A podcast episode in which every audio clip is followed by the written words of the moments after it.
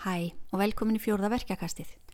Ég heiti Helga og ég byrði endilega um að hlusta fyrir verkjakast áður en þú hlustar á þetta því að þetta verkjakast byggir á þeim fyrir. Til að læknast af miðlægum verkjum er fyrst að gera sig grein fyrir að verkjunir séu ekki af líkamlegum orsökum. Að skilja að þú ert hraust og heilbrið. Verkjunir eru bara skilaboð frá ofvendandi heilabúi sem heldur að þú sért í hættu. Það tekur oft dálítinn tíma að meðtaka þetta og því er ég að hamra á þessu aftur og aftur. Við erum alin upp í þeirri hugsun að verkir eigi sér líkamlegar orsakir. Það sem gagnaðist mér best til að ná þessum skilningi var bara að lesa mér nóg til í þessum verkjafræðum.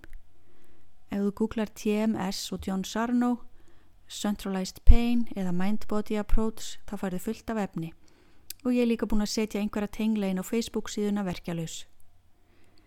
Næsta skref er svo að breyta hegðun. Ef bakverkurinn orsakast ekki af því að setja í ákveðnum stól, verkurinn í hendinu orsakast ekki af tölvuvinnu eða mýgrennið orsakast ekki af að drekka rauðvín, þá þarf ekki lengur að forðast þessa hluti. Livðu lífinu lífandi og hætt að forðast alls konar hluti af því að þú upplifir þá hættulega. Þeir eru ekki hættulegir og þú ert örug.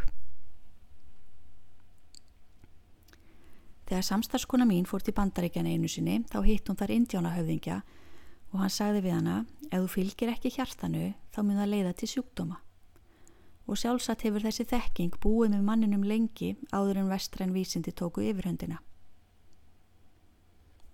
Miðlægir verkir eru streytusjúkdómur og nú er verkefnið að ná streytustíginu niður. Að hluta til lækkar streytustígi þegar fólk skilur að það er ekki líkamlega veikt en oft þarf meira til. Gott getur verið að stunda hugleiðslu eða núvitund leggja áherslu á reyfingu og leggja áherslu á að hafa gaman, gera það sem manni finnst skemmtilegt. Kæling og Wim Hof, ön, Wim Hof öndun getur reynst mjög vel sem og aðrar aðgerðir fyrir vakustöginna. Þetta er ekkert one size fits all. Það er engin að segja að þú til dæmis verður að stunda hugleðslu til að ná bata ef þér finnst það hund leiðilegt. Þú finnur bara þína leið. Næsta skref er svo rannsóknarvinnan innra með þér að skoða tilfinningalífið þitt. Skoðaðu hvernig þú tala við sjálfa þig. Hvernig bregstu viðkakvart sjálfrið er þegar þú gerir mistök? Hvaða kröfur gerir þú til sjálfræðin? Sérðu heiminn sem hættulegan staðið að býstu við að dagurinn í dag verði góður, góður dagur? Þegar þú fær verkjakast er mikilvægt að horfa inn á við og spyrja sig hvað gerðist í gær, hvað gerðist í dag og hvað gerist á morgun. Leita svara við því hvað ollið er svo mikillir streitu að verkinni ruku upp. Það kemst enginn í gegnum lífið á þess að upplifa áföll og ef óuppgerð áföll eru stór þáttur í þínum verkjum þá er mikilvægt að vinna úr þeim. Ímsar sjálfsjálfaraðferðir eru mjög gaglegar svo sem að skrifa sér frá áföllum og eins er hægt að leita til sálfræðings eða annars meðferðaraðila eftir stuðningi. Þegar þú ert í verkjakasti þá er mikilvægt að koma fram við sjálfa þig af umhyggju. Það getur orðið til þess að þú losnum við verkin eða það dræjur kastinu. Verkinir koma því heilin metur að svo að þú sért í hættu og notar varnar viðbræði sitt, verki, til að venda þig. Að ná bata frá miðlægum verkjum felur oft í sér heilmikla sjálfsvinnu en til að ná bata er mikilvægt að hætta að óttast verkina og hætta að veita þeim óttablandna aðtigli.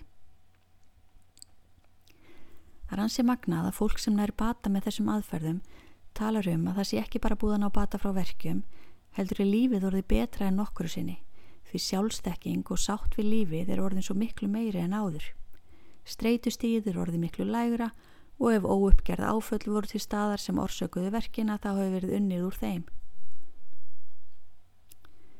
Það virðist vera að stór hluti fólks með miðlega verki, ekki allir en stór hluti hafi upplifað áföll í æsku og oft verður það til þess að fólk þróar með sér ákveðna fullkomnunar áróttu er oft góðhjartað og þjónustulundað og hefur tilneigu til að setja aðra í fyrsta sæti en ekki sjálfan sig.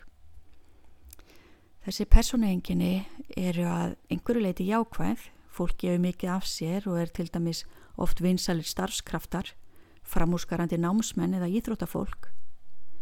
En þessi personuenginni geta líka leitt til þess að fólk þróar með sér miðlæga verki en það er mjög erfitt að setja undir því að svo sem fylgir manni alla æfi innri röttin, maður sjálfur, ætlist til þess að maður sé fullkominn. Það getur engin staðist slíkar kröfur. Sumir verkjasjúklingar eh, get ekki svaraði hvað þeir gerir skemmtilegt fyrir sig eða hvað þeim finnist skemmtilegt að gera. Þeir eru orðnir svo vanir að vera bara alltaf að fullu að sinna verkefnum en gefa sér aldrei tíma til að bara slaka á og njóta og kunna ekki að gefa sjálfum sér rými. En við búum svo vel að vera með heilabú sem er sífælt í mótun og með smá æfingum fyrir heilan er hægt að breyta ansi miklu, öðlast frelsi frá verkjum og hugaró. Til að ná fullum bata frá miðlægum verkjum þurfa líka margir að setja öðru fólki í sínu lífi mörg. Hlusta betur á hjartað eins og Indiánahöfðingin sagði. Þessi bataleið getur verið mikið lærdómsferli eins og hjartalega þess virði.